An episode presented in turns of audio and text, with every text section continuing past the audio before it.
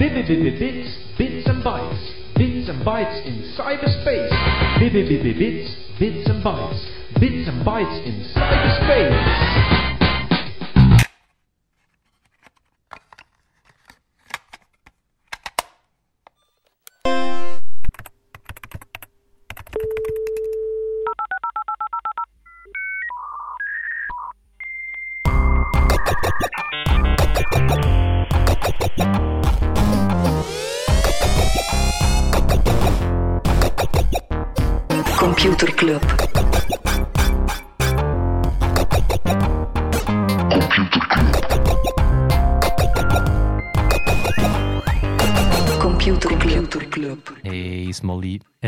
Freddy, welkom. Welkom terug. welkom. Welkom bij Computer Club, een wekelijkse podcast over technologie.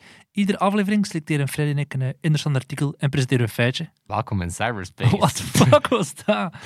Ah, Freddy, wat was dat? Een van onze luisteraars, eh, vrienden van mij, Quentin, die stuurde dat. Ze Blast from the Past is blijkbaar iets dat zijn eh, IT-leerkracht in de jaren 90 gemaakt heeft om uh, ja, als een soort uh, ja, lijflied voor het digitale tijdperk Oh, te in die tijd- Bytes of Bits and Bytes? Bits and Bytes. Ja. Beats and Bytes is ook wel nog een goede Het was nog ICT in plaats van IT, hè? Voilà, voilà, voilà. ICT-leerkracht. ICT, ICT. Zeg Smolly, nu het weer kunst, hè? Zot, hè? Nostrasmollus, Smollydamus. Mam, Gaat het weer vertellen wat dat het weer gekund hebt? vorige week had ik het over de verandering in de filmsector. Dat zijn de cinema's gaan meer... eh, ja, met, dat- eigenlijk wordt heel die, consumer, ke- ja. inderdaad, heel die keten wordt, wordt door elkaar geschud. En wat gebeurde er eigenlijk de dag dat de aflevering online stond? Warner Brothers zegt... eh, ja, gasten, die Smolly van Computer Club, die had inderdaad al een punt. We gaan gewoon al onze films voor 2021 rechtstreeks op... Hoe noem het? HBO Max. Yes, op Ja. HBO Max. Dus onder andere Dune, de nieuwe Space Jam, de nieuwe Matrix. Ik wist Ja. niet dat er een nieuwe Matrix kwam, maar wel bij deze ook geleerd. Eh, en dat allemaal voor eh, 15 dollar per maand op HBO Max. Wat hè? dan ook stilaan wel echt een serieuze eh, offering aan het worden is. Ik ben wel zeer benieuwd, eh, omdat ze laten het nog wel in het ongewisse of dat dat een semi-permanente move is. Mhm, En het gaat in eerste instantie alleen om de VS. En eh, de films komen een maand op HBO Max en dan gaan ze er weer af. Ja. Maar ja, los daarvan, Disney presenteert deze week hebben ze een eh, analyst call, dus met de aandeelhouders. En verwacht wordt dat ze daar ook wel iets gaan zeggen wat zij volgend jaar gaan doen. Kinepolis heeft vandaag aangekondigd dat zij ook meer zelf films gaan beginnen produceren en maken. Dus ja, heel het landschap staat inderdaad eh, op zijn Ja. Eh, ook in het, eh, ja, het landschap, iets minder het cinema-landschap, maar het streaming-landschap. Eh, Mhm. Discovery komt ook, ja, kon, kon ook niet achterblijven, komt ook met een streamingdienst. Ja, inderdaad, behalve Discovery hebben ze ook Oprah Winfrey Network, Mhm. hebben ze ook Eurosport. Denk, denk vooral dat is, Ja, is wel een redelijk sterke offering. En die zouden blijkbaar voor 5 dollar per maand Discovery Plus gaan lanceren. Dus voilà, elke, iedere streamingdienst komt met een paar dingetjes af, totdat je dan uiteindelijk super streamingdiensten hebt. En dan zijn we helemaal terug af. Ja. Eh, terug bij af. Ik ben nog een keer naar Eh, Apple TV Plus gaan kijken, want dat ding staat nu een jaar live. En dat is echt nog dramatisch hoe weinig nieuwe content dat erop komt. Ja, maar ik zag toch wel dat ze daar nu ook weer de blijkbaar nieuwe film van Tom Hanks gekocht zouden hebben voor 70 miljoen of Eén zo. Film, ja. ja. Ja, Lasso dat- is wel echt een aanrader. Eh, trouwens, over het, het, nee, misschien een brugje. Amazon, Mhm. die zouden eh, ook in de podcast game gaan stappen. Die zouden, ik zou eens moeten nakijken, maar eh, die zouden voor eh, Wondery, een beetje de HBO van audio, worden die wel eens genoemd, voor 300 miljoen gaan kopen. Iets minder series dat wij kennen. Ehm, zou interessant kunnen zijn, want dat zou betekenen van als je een serie uitbrengt op tv, breng je ze dan ook meteen uit naar audio. Dus het is wel interessant van... van Mhm. ehm, maar ik vond het een interessante analyse, omdat eigenlijk is dat een beetje de featureization van podcasts. Dat betekent, podcasts worden ook weer een deeltje van die Prime Bundle. Mhm. Net zoals dat die content voor Amazon. Amazon, they don't care about entertainment. Ze willen gewoon Amazon Prime Video om Mhm. je Prime-abonnement veilig te stellen. Dus ik vind het wel indrukwekkend hoe dat volledige, ja, volledige mediabedrijven eigenlijk een, een, een featuretje worden van Ja. een breder abonnement. Net Ja. zoals voor Apple TV+. Plus. Wat kan hun eh, de nieuwe foundation schelen, zolang dat je maar je, je iPhone eh Ja, om twee jaar vernieuwt. Of je Apple koptelefoon van 620 euro. Is het 620? Ja, dat is echt ik dacht insane. 550 dollar. Dollar. Ja, maar in normaal is dat 400 zoveel euro. Maar de, de AirPod Max Ja. zijn eh, aangekondigd en dan denk je, hoe groot kunnen die AirPods worden? Wel, het zijn totaal geen AirPods, het, zijn, het is een koptelefoon. Over, over ear koptelefoon. eh, ja. compleet over-engineered. Eh, nee, nee, oké, inderdaad, noise cancellation. maar over-engineered, het, het houdt de beweging van je telefoon bij en de beweging van je hoofdtelefoon. En het zorgt dan dat als je met je hoofd Ja. beweegt, dat je Ik kan het niet horen, maar ik rol met mijn ogen. Ja, het is... eh, ook enkel Apple kan met zoveel eh, Mhm. arrogantie het knopje, de Digital Crown, en zo, het, het draaiknopje van de Apple Watch, Mhm. zit nu ook op die headphones. Wauw. Ehm, maar ja, 550 dollar, 620 euro Apple. En enkel Apple kan daar dan geen. eh, mijn mijn collega Thijs vertelde het, die hebben, je krijgt er zelf geen doosje bij. Je krijgt er zelf geen hardcover bij. Het is Oh, gewoon een doekje. Eh, wat wel interessant is, is dat Beats bestaat Mhm. nog altijd. Ja, ja. Beats dat ze drie jaar geleden voor 3 miljard van Dr. Dre gekocht hebben, eh, blijft bestaan en gebruikt zelf dezelfde technologie. Is, is dat maar drie jaar geleden? Amai. Ja. Zot. Ehm. Andere non-nieuws. Uber stopt met zelfrijdende wagens. Dat hadden we al, jongen. Hadden we er al? Ja, we, hadden al, we hebben al een aantal weken geleden zo'n beetje het patroon dat zowel Uber stopt met zijn zelfrijdende afdeling, Mhm. als Amazon met zijn zelfvliegende drones. Oké, dat dat eh, was als het ging afstoten of zo. Oké, whatever. Andere non-nieuws. Voor de eerste keer Oh. ooit hebben Belgische startups en scale-ups samen meer dan een miljard opgehaald. Mooi. Onder andere eh, Unified Post en Colibra, eh, die een grote investeringsronde hadden de voorbije maanden. blijven onze, onze sterren. Hè. Iets, minder, iets minder plezant is, ehm, we hadden het ooit in aflevering 15 al, nee, was eigenlijk 15, 51, Mhm. whatever, ik moet het beter opzoeken. Hadden we het over tijd dat er toch meer en meer eh, geruzie is bij Google. Weet je dan nog? Dat er toch meer en meer Interne... ja, interne Ja. eh, gedoe is en dat het toch niet altijd kan om je mee te zeggen. Wel, het, eh, het co-hoofd, de co-head van het eh, ethisch AI-team stapt op. Mhm. Dat is een prominente AI-researcher die we vooral kennen of die vooral bekend staat om eh, al het werk dat ze gedaan heeft om aan te tonen dat facial recognition algoritmes eh, echt wel veel slechter werken bij people of color dan bij, dan Ja. bij eh, witte gezichten. Want ze is zelf een zwarte vrouw, hè? Voilà. Ehm, inderdaad, ook een heel prominente, high-profile ehm, eh, employee bij Google. Dat zou nu gaan over een paper waarin dat ze aantoont dat die grote taalmodellen, GPT-3 of het BERT-model van Google, Mhm. ja, dat dat toch chockvol racisme, seksisme en andere bias zit. Ehm, en dat zou niet populair zijn binnen Google, want ja, dat systeem is wel de basis voor elke Google-search nu. Dus het is wel Mhm. degelijk, het is geen uitsmijtertje, het, zit in de kern. En het zou erover gaan, de co-auteur van die paper zegt, ja, mensen bij Google waren duidelijk niet blij met eh, het feit dat dat rapport eh, niet in, in hun beste interesses, eh, hoe zeggen ze in their best interest is. En die stapt daar ook ja, boos weg en ze zegt ook dat het... dat het komt omdat haar kritiek op ja, de vooruitgang dat Google maakt, als het gaat over people of color binnen Google Mm. en de impact van Google op onze maatschappij, dat dat niet snel genoeg gaat, ja, dat die kritiek haar nu de das omdoet. Yep. Ik ben toch geneigd om maar, eh, om maar te geloven. Ja, ja. Allee, er is altijd twee kanten van een verhaal, maar, in dit, toch... kant, ja, ja, in dit geval steun ik haar ook wel. Voilà. Eh, En dan misschien ook nog terugkerend, eh, als we dan toch de, de, in de oude doos gaan duiken. In aflevering 19 hadden we het over de, de quantum-ambities van de Chinezen. Ja, ja. En ja, ze hebben het eh, blijkbaar bereikt, quantum supremacy. Ze hebben blijkbaar werkende... Een- computer uitgespeeld. Ze hebben computer uitspeeld. Ze hebben een, eh, een, quantum, een werkende quantumcomputer die, ja, hoe gaat het dan, miljarden keren sneller is dan een supercomputer. Oké. Ehm, en je weet, als Chinezen het zeggen, dan moet je dat geloven. Hè. Nee, maar bol. Eh, eh, en dan anderzijds, in aflevering 61 hadden we het over OnlyFans. Ken je dat Hm? platform nog? Ja, ja, absoluut. Een beetje Patreon. Maar toch vooral gebruikt om naaktfoto's te verkopen. Ja. Bijvoorbeeld, dan kan je inderdaad zeggen van, kijk, eh, die, ah, die pornoactrice of die reality star. Ik wil Ja, of net wel eens... een, eh, amateur mensen, hè? Voilà.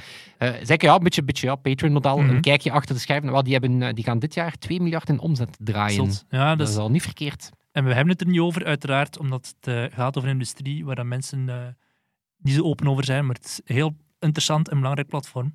Ja, en het, is, het, het, het ontstaat ook omdat er ja, rond, rond adult entertainment, het is een schemerzone, eh, wat ze mogen vragen qua, qua payments. Dus het zit wel echt in een ambtante schemerzone. En het is... eh, Ja. ja. het is Want onder andere Visa en zo, die zijn een eh, samenwerking met Pornhub aan het herbekijken. Omdat Pornhub in opspraak is gekomen dat ze te weinig doen tegen onder andere kinderpornografie en zo. ja, voilà. Voilà. Ik heb nog twee leestips. Ehm, moesten mensen zeggen, bam. het is binnenkort kerstvakantie en ik weet niet wat te doen. Of ik wil een boek schenken aan mijn moeder, die wakker ligt van theologie, maar niet weet waar te beginnen.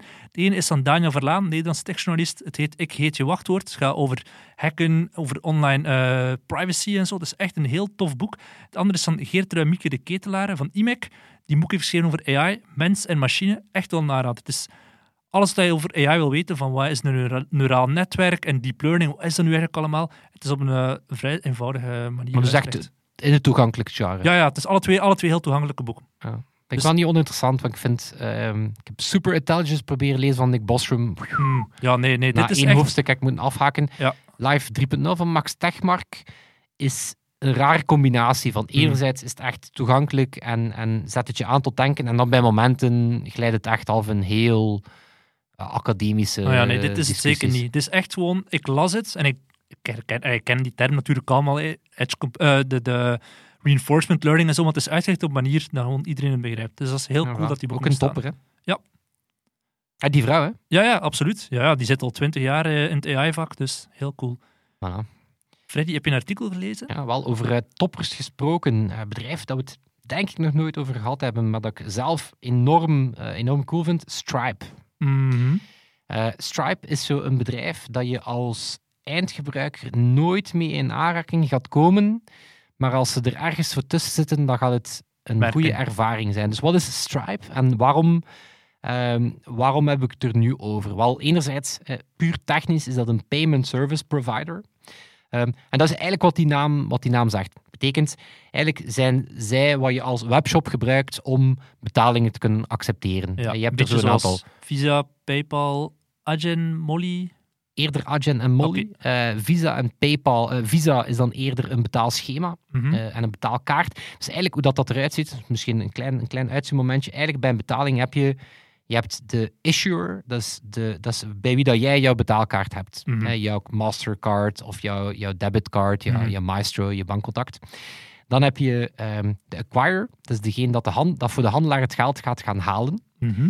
Dan heb je het betaalschema. Dat is een beetje de, ja, de eh, bankcontact, Ja. ideal, die eigenlijk afspra- afspreekt van hoe gaan we die communicatie doen. En dan heb je een payment service provider die eigenlijk een beetje de technische eh, infrastructuur levert. En Ja. zo moet je dat inderdaad zien. Nu, Stripe, ehm, heel technologisch gedreven bedrijf, eh, hebben bijvoorbeeld API's die heel vlot mee, mee te werken zijn.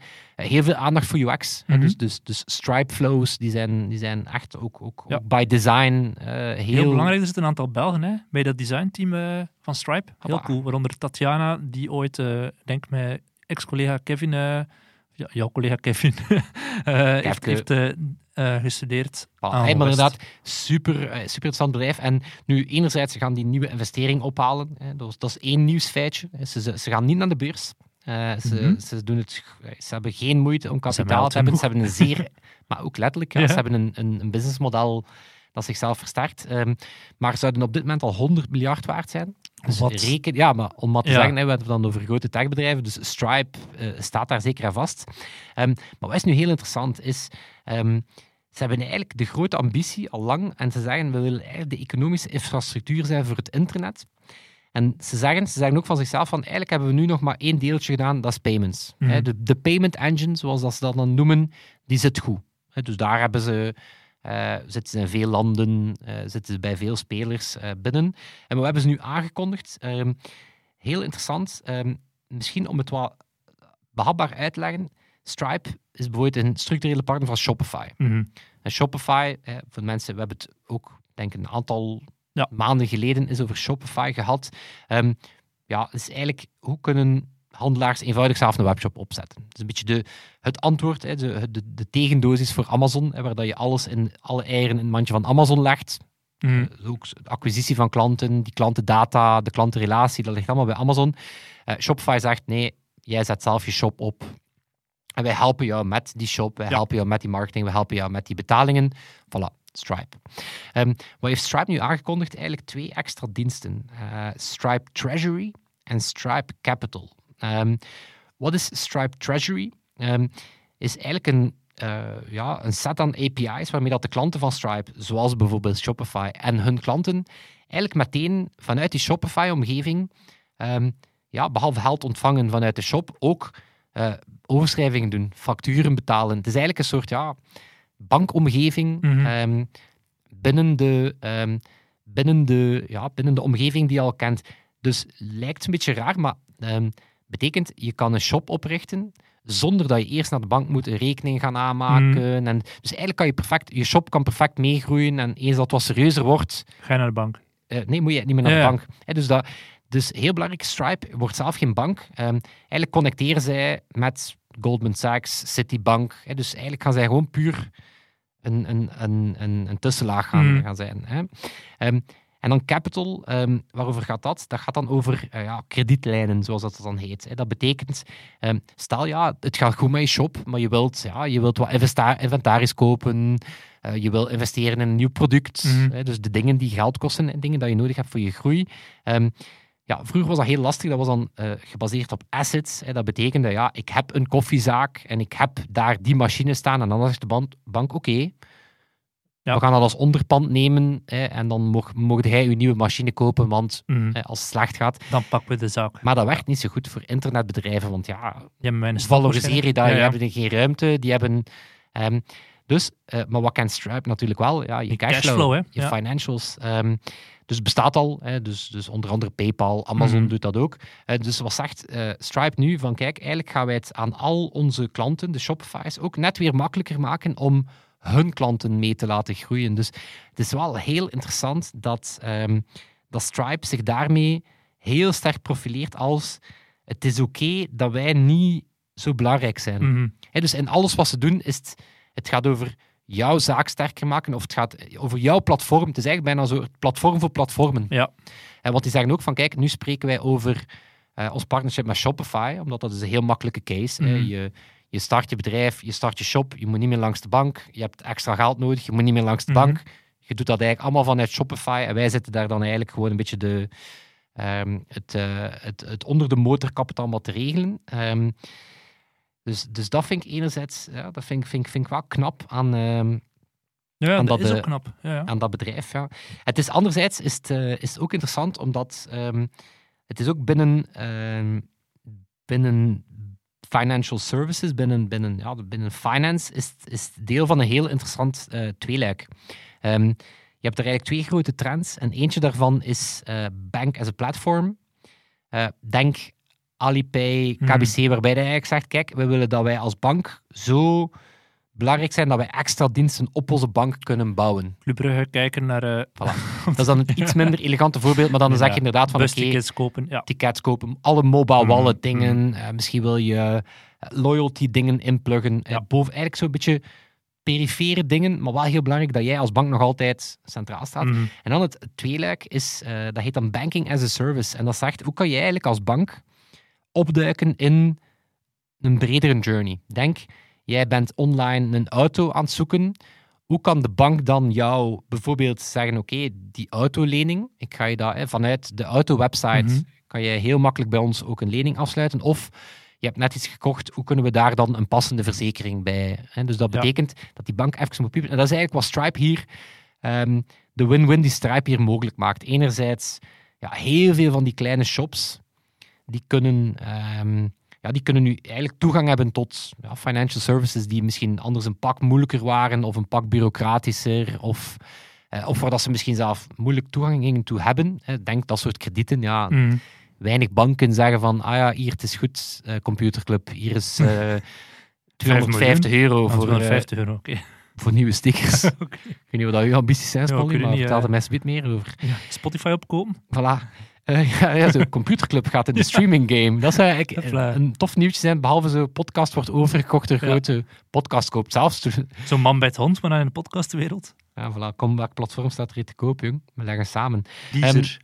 Maar dan anderzijds is het ook interessant voor die banken, omdat ehm, ja, zij kunnen op die manier, gewoon door het aanbieden van API's, meteen toegang krijgen tot Mhm. alle Shopify-klanten. Ehm, en hetgeen dat ik daarnet nog zei, eh, was aan het vertellen, ik was dan zelf een beetje met een draad kwijt, is, hebt het voorbeeld van Shopify, dat is een heel duidelijk voorbeeld, maar bijvoorbeeld een van hun klanten is Zipcar, zo een eh, carsharing. Ja, ehm, en dan zeggen die ook van, kijk, ehm, die financiële diensten, ja, afhankelijk van platform pla- tot platform, gaan die misschien iets anders zijn. En bijvoorbeeld wat zij ook doen, Stripe, is, zij kunnen jou ook helpen om betaalkaarten uit te geven. Dus ze zeggen ook van, als Zipcar op een gegeven moment zegt, kijk, wij willen speciale kredietkaarten, dat je enkel kan gebruiken als driver om te tanken. Ja. ehm, of dat je als, als, als eh, rental car bijvoorbeeld, Mhm. dat je zegt van, kijk, die, dat is een betaalkaart. om... Maar eh, die, ja. eh, voilà, daar staat een tegoed op en enkel voor tankstations. Of alle expenses die je maakt als driver, die komen meteen Mhm. in je treasury-omgeving als deel van je onkosten. En dan voel je dat die zo...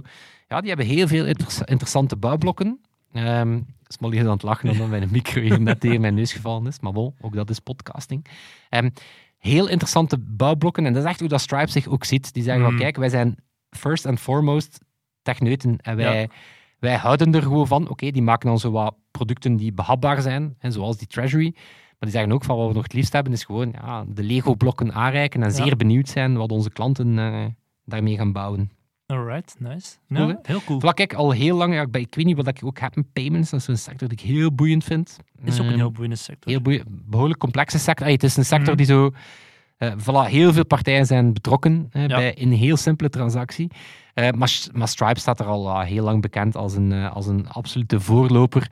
En voilà, 100 miljard waardering eh, ligt er niet over. hè. Dat is inderdaad... eh, Eh, Niet over, trouwens, over Shopify gesproken. ehm, eh, interessant, eh, interessant over het, eh, het, het Thanksgiving weekend. Het, mhm. het, ja, ik, ik denk dat het, het, ehm, het Black Friday Cyber Monday weekend Mhm. was dat dan? ik, ik denk Ik het. weet niet of dat dat denk, of wat dat weekend is.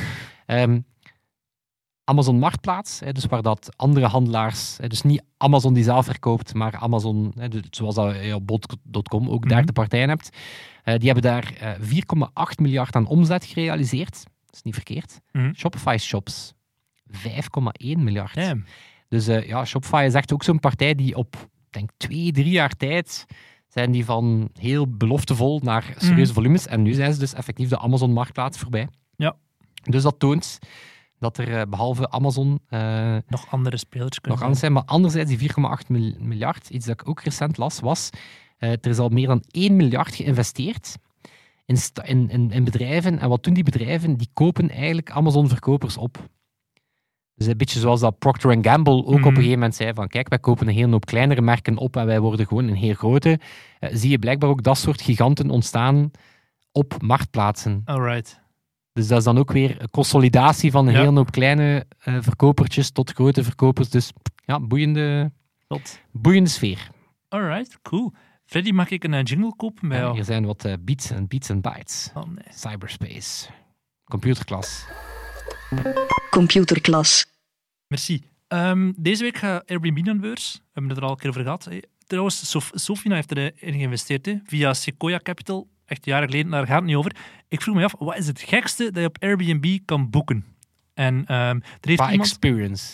Qua experience Of of, qua, qua locatie. qua locatie. Er heeft iemand in Frankrijk bijvoorbeeld een overnachting in een vliegtuig eh, dat hij aanbiedt. Dus letterlijk een vliegtuig dat op de grond staat. Dat is omgebouwd tot een soort hotelachtig ding. Hij kan die kubische wo- woningen in Rotterdam eh, overnachten. Eh, Zijn dat eens geweest in die Ja, aan, er aan die er is een jeugdherberg in waar ik ooit geslapen heb. Ah, wel, maar de, er is iets... Dat is een super shady Ja, ja. hoekje. Dat ziet er dan zo... Dat is mega Instagram-waardig, maar zo... Als je daar dan zo rondloopt, is ze van... Allee, Die jeugdherberg is ook echt niet chic of zo. direct wat drugs gekocht en wat heroïne geschot. Ah, ik was er toch, maar toch. Het was. Als je daar dan toch bent, ja. Ja, voilà. Hoort erbij, experience. Ja, het zal.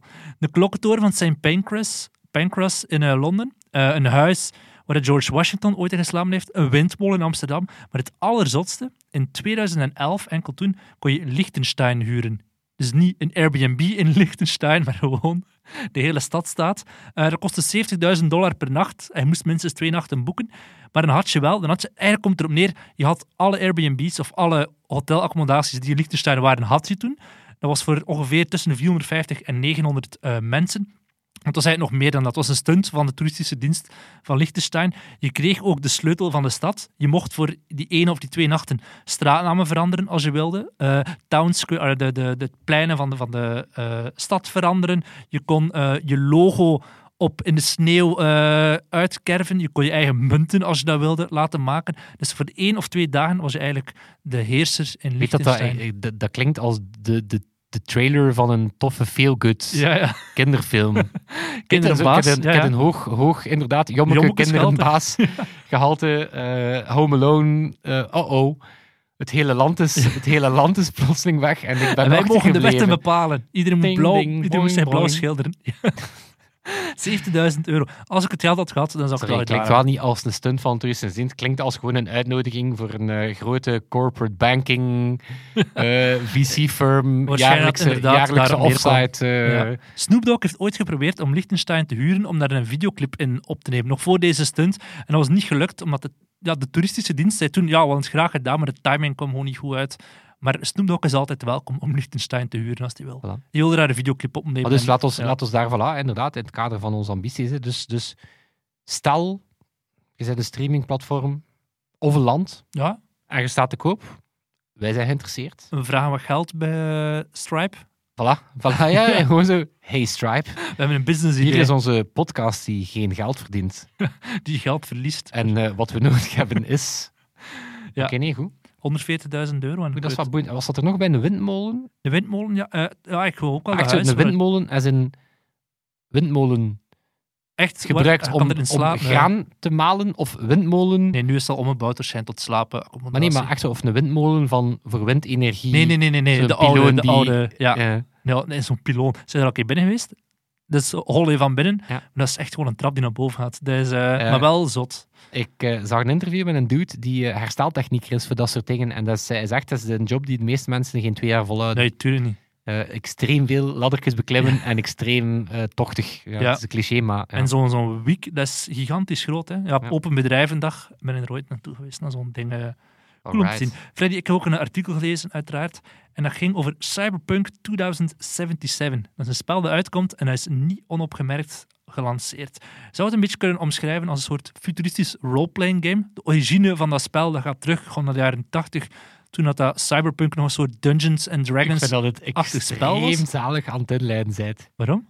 Gewoon, ik vind dat de vrij cute op het, op het, ja, op het hoogste niveau begint. Ah ja, oké. En nu gaat het alleen maar berg af. Nee, nee, nee, ik bedoel, maar het had ook gewoon kunnen zijn, ja, het is de nieuwe, nieuwe, ja, nieuwe RPG van de makers van The Witcher 3. Ja, maar dat moet ik allemaal The Witcher vertellen. 3, ja. Sorry, sorry, ik dacht dat... Dus het is echt een zot spel. Het komt uit op de PlayStation 5, op de Xbox, op van alles en nog wat. Ehm waarvan moeten we nog... En Keanu Reeves speelt de hoofdrol. Eh, oh, hij speelt de hoofdrol. Het hoofdpersonage is naar hem gemodelleerd. Er komt een anime-reeks op Netflix. Er komt van alles en nog wat, maar daar ga ik het niet over hebben. Het spel is, zoals hij zegt, ontwikkeld door CD Projekt. Pools ontwikkelaar van onder andere The Witcher. The Witcher, eh, een van de grootste spellen toch van de voorbije tien jaar. Een van de beste spellen ook van, de, van de afgelopen tien jaar. En er is 500 man die aan dat spel gewerkt heeft. CD Projekt heeft zelfs een nieuwe divisie ervoor moeten openen. En dat was eigenlijk niet de bedoeling. Het spel is aangekondigd in 2012. Even, Acht jaar in de making, inderdaad. Ja. even kaderschetsen. Op dat moment was de PlayStation 3 nog hip. En eh zat er nog met de Xbox 360. We zijn nu inderdaad acht jaar verder. En ze waren begonnen met 50 man. En along the way zijn er steeds meer dingen bijgekomen. Ze wilden echt... Ze hebben gewoon met urban planners, ze de, de ruimte, on- ruimtelijke ontwikkelaars, gewoon die stad nagebouwd. Het spel speelt zich af in een futuristische stad. Ze hebben daar met architecten aan samengewerkt. Steeds meer superzotte technische snufjes. In bij raytracing, dus dat het licht gewoon echt lijkt alsof het realistisch is. En heel tijd maar feedback van testspelers en blijven verwerken. En de merde is natuurlijk ook, hoe langer dat je daaraan werkt, hoe meer technische dingen dat er ook gewoon mogelijk zijn. We zijn begonnen met de PlayStation 3, we zitten nu aan de PlayStation 5. Het, is Ja. een, het is een zeer ambitieus spel. Hè? Ja, het spel is niet meer zoals dat in 2012 was verwacht. En hoe langer dat je wacht, hoe meer ja, zit een Ja. vicieuze cirkel uit. Het is ook echt een, een RPG voor... voor, voor want we hebben inderdaad dat soort eh, open world games bestaan wel, maar wat The Witcher, eh, waar dat The Witcher enerzijds heel ver in ging, maar ook eh, Cyberpunk is zo... De keuzes die je maakt zijn wel echt heel bepalend. Ja, en Allee, je kan heel ver veel gaan, eindes, heel veel Je kan, je kan impact van dialogen op wat dan andere personages meemaken. Ja, dus, ja, en je ja. kan van gender, het gaat ook niet alleen maar over man en vrouw, het gaat over alle spectra daartussen. Het gaat heel breed. Maar omdat ze zo ambitieus waren, zorgde dat voor heel veel druk, zowel extern, uiteraard de fans die dachten van oké, acht jaar in de maak, dat moet wel een gigantisch zot spel worden. En hoe langer je daar mee wacht, hoe meer dat die druk er uiteraard komt. Dus als drie keer de deadline is drie keer verschoven. Ja, op het einde konden ze nog zeggen, komt er covid, maar in het begin was het uiteraard gewoon in de eigen schuld. Ehm, Op, ik, heb, ik heb altijd wel, maar dat is dan waarschijnlijk waar dat het stukje respect voor CD Projekt Red bijna eindigt, denk ik, eh, als ik het een beetje Ja, aanvoel. Eh, ik had wel op zich, ik heb wel respect voor het, het, eh, het uitstellen van een deadline in functie van kwaliteit. Wat natuurlijk iets minder nice is als het doen en toch nog shippen met extreem veel bugs, met direct een patch van Mm. 60, 70 gig. Ja, ja. Nee, dus inderdaad, de, de, de druk van, we gaan het een maand of vier opschuiven. En dan denk je, oké, voor de werknemers is dat chill, die kunnen op zijn gemak. Nee, nee, in tegendeel. Crunch time. Inderdaad, crunch time. Wat is crunch? Crunch is dus eigenlijk gewoon het systeem systematisch overwerken. Zeker net voor een launch. Wat inderdaad, crunch is, is op zich... We gaan Het even knallen typisch van, gaan we ervoor. Het is, ja. We zijn er bijna en nu is het... eh, Ja, en dat is inderdaad, als je zegt van we Zes gaan, dat dagen per laatste- week, we gaan dat, we gaan dat twee dagen, weken ja. doen op het einde, ça va. Maar hier, fascinerend ook, is dat de topmannen van, van CD Projekt in der tijd, pakt anderhalf jaar geleden, hebben gezegd, crunch, we gaan daar nooit aan meedoen. Wij zijn een heel eh, empathisch bedrijf, wij geven om onze werknemers. En dan toch zie je, een heel jaar lang, dat hele voorbije jaar, mijn werknemers van CD Projekt maanden aan een stuk moeten overwerken, weken van zes werkdagen per week. En dat is heel cynisch uiteraard, omdat ze hebben gezegd dat ze nooit gingen doen. En alleen al daarom is het een beetje wrang, dat spel. Het is er nu, maar het is niet gelanceerd op de manier zoals hij wil. En dan daarnaast is er ook nog de marketing van dat spel. Ehm, omdat het spel... de, so- de social media manager Ja, die... is, al, eh, is al ontslaan. En dan nog hebben ze het niet... eh, Nee, inderdaad. Is, ze hebben heel snel ingezien van, ah, er is hier zo'n community op Twitter, vooral zo de fans van pakweg in Elon Musk en zo, die wel edgy zijn, heel toxic ook soms, eh, Gamergate-achtige figuren. We gaan die be- beginnen bespelen met memes en met, met, met grappen. En inderdaad, eh, op een bepaald moment is een community manager ontslaan na, na een mop over Gamergate. Ze bijvoorbeeld ook, ja, ik zei het net, je kan niet alleen man of vrouw zijn, maar ook alles daartussen. Ze hadden zelfs zo'n mop gemaakt van, ah, wij gaan onze pre-order voor FIFA 78, eh, zo gezegd dan ook in de toekomst, cancelen als je maar één soort vagina kunt selecteren. Het was er een, inderdaad zo'n beetje een- mee... een mop over, zeg, heel meta, maar heel edgy ook. En Echt wel edgelords. Ja. Zo, zo, het, het, de dunne grens tussen... Je moet kunnen lachen met bepaalde thema's, maar als het Mhm. niet grappig is, ja, dan... eh, ja, dan is het gewoon pijnlijk Nee, voor ja. zeker Dan- aangezien hij weet, die mop zal waarschijnlijk gemaakt zijn door een, een jongen, een witte jongen zoals ons. eh, ja. Dus wat. Dus het, het pijnlijke daar is, als dat nu werkt, dat soort marketing, dan weet je, we zijn vertrokken. Hè. Er kunnen nog games zijn die ook op zo dezelfde edgy social media tone of voice eh, Ja. gaan, beginnen, gaan beginnen denkmemes posten en zo. Dus het is, het is heel gevaarlijk ehm, voor de toekomst van enerzijds het, ja, die interne shit van, van die crunch time. Als je dat te lang rekt, dan is gewoon, de industrie is sowieso al een Algemeen probleem, hè. Red Dead altijd ook. Allee, Inderdaad. En dat in combinatie met die edgelord-achtige personage waar dat ze op mikken. Dus het is, een, het is een tof dat het game er is. Ja, maar het het is ook over eh, in, in die aflevering ehm, Game, Game Me 2. Ja. Game 2. Ja, over de, de, inderdaad, er was inderdaad een Dat U- een paar jaar geleden. Maar inderdaad, bij Ubisoft heel veel verhalen naar buiten zijn gekomen over ja, grensoverschrijdend gedrag daarbinnen. Eh, Eh, maar ze hebben er acht jaar aan gehad en ik vond het wel fantastisch. De recensie van eh, nu.nl was: Het spel is prachtig, maar nog niet af. Eh, zelfde reviews. ehm, ook, ook zelf gezien, blijkbaar echt de, de scope van dat spel is, is geflipt. De verhalen en de beleving dat je kan hebben is dus op dat vlak geslaagd. Ehm, maar eh, ik las dat het, eh, het aandeel van CD Projekt Red, pas op, het is eh, de dit jaar al extreem veel gestegen en de afgelopen Mhm. acht jaar extreem veel gestegen, maar nu is het min 10%. Want de gemiddelde reviews, hè, dus de Metacritic score, op basis van de eerste 44 eh journalistenreviews, is maar 91%. En normaal is elke developer zeer content met een 91 score, maar het, Ja, het is maar het vierde jaar, beste eh. PC-spel van dit jaar. Maar inderdaad, na acht jaar ontwikkeling, na acht jaar hype, is dat wat hype een teleurstelling. En inderdaad, hebben, zo het feit dat het, eh, dat het toch, ja, ook slechte trend. eh, We zijn hier geen game-podcast, maar zo slechte, slechte trend is. Normaal gaat een spel, Gold heet dat dan, en dan, Mhm. dan moeten de CD's gedrukt worden. En dan is het vrij realistisch dat je een day one patch hebt. Ja. Dat je zegt, kijk, tussen die tijd dat we Gold waren en hebben we nog wat bugs gefixed, wat een goede zaak is, maar de trend is dat die day one patches zo gigantisch zijn, dat is bijna een nieuw spel. Weet je, Mhm. 60, 70 gigabyte, dat is ook niet tof. Je wilt dat spel spelen, punt.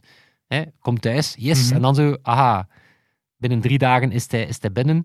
Ehm, en eh, heel veel games die dan ook lanceren met heel weinig content, heel veel bugs.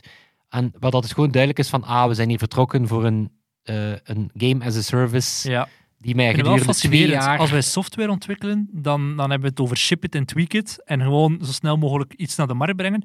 Maar bij een game verwachten we wel dat die fantastisch is vanaf dag één. Het is, daar, het is daar, denk ik, de uitdaging is dat je die games zijn ook gewoon, zeker Cyberpunk is by default heel ambitieus. Mhm. En Te ambitieus. wat je inderdaad in softwareontwikkeling dan typisch adviseert is, eh, bouw niet direct het Zwitser zakmes met veertien verschillende dingen. Mhm. Begin met iets. Ja. En leer van daaruit. En t- dus het, het snel, het is het belangrijkste, het snel shippen gaat niet over... ehm, Het volledige totaalplaatje, maar over iets. het gaat over zo aspect. snel mogelijk dingen leren. Ja. Het gaat over zo snel mogelijk voelen van, krijgt het tractie? Ja, en dan op Omar, basis van Omar heeft mij onlangs iets interessants, of een mooie quote erover gezegd. Die zei, als je trots bent op je MVP, dan heb je iets niet goed gedaan. Ja, wel, en wat dan, we zijn hier echt in zijtaksken aan Ja, ja, Wat ik heel storend vind aan, aan, aan, aan bedrijven, als ze dan zeggen ons MVP, dan bedoelen ze meestal Het finale alles product. wat ze willen, Ja. behalve één halve feature minder. Mm. En die moet er binnen twee weken ook liggen. Maar voor de rest, Ja. even bloated, eh, even, even overfeatured dat maar kan zijn. Terwijl, ja, echt MVP denken. En ik denk ook niet dat een... eh, want je hebt zo wel games ook die early access Mhm. starten. Eh, en ook dat is een beetje een slechte trend, want eigenlijk is dat interessant, want dat is typisch indie developers die eigenlijk al een eerste heel loyale following kunnen hebben. eh, Mhm. Omdat ze zeggen van kijk, wij weten dat we hier een spel gaan creëren voor de komende vijf à tien jaar, een Space Simulator. Maar ook daar is ook zo dat model een beetje aan het zo, ah ja, het is early access, ik mag nu al betalen en dan Als de bugs eruit gaan ze de halen, bugs eruit aan. Dus ja, van beide vallen wel iets te zeggen, maar ik denk ja, Cyberpunk doet het op dat vlak zichzelf een beetje aan. Nu, ik denk wel niet dat eh, ja, het feit dat het wat buggy is bij release zal wel relatief Ja, want het is wel snel echt extreem van, van een hoofdpersonage dat plots geen haar meer had en Voilà. dat soort dingen. Maar ik denk wel dat het, ja, zelf de, de, de edgelord marketing, de crunch time, Die zijn dat wat bug stay. is. Ja. Ja, nee, hier te zijn, maar ik denk ook niet dat het veel in de weg zal staan van het Nee, nee, succes dat Cyberpunk succes, hè, absoluut. Ja. Ik heb voor mezelf beslist dat ik het speel op PlayStation 5. Dus aangezien dat er geen PlayStation 5 in de 2078, buurt hè? is, In dan 2078. eh, ga ik eruit ja. dat er geen enkele bug nog in, eh, in Cyberpunk eh, zit. Perfect. Voilà. Maar dat er geen bugs in zitten.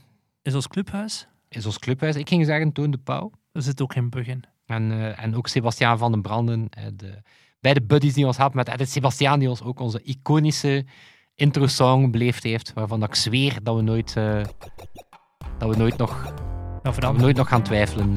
ook al vond ik Bits and Bytes Cyberspace wel boeiend. Ik vind onze eigen intro-tune Yes, nog veel boeiender. perfect. Alright, dat zal het zijn. Tot volgende week. Volgende week. Yo. Yo.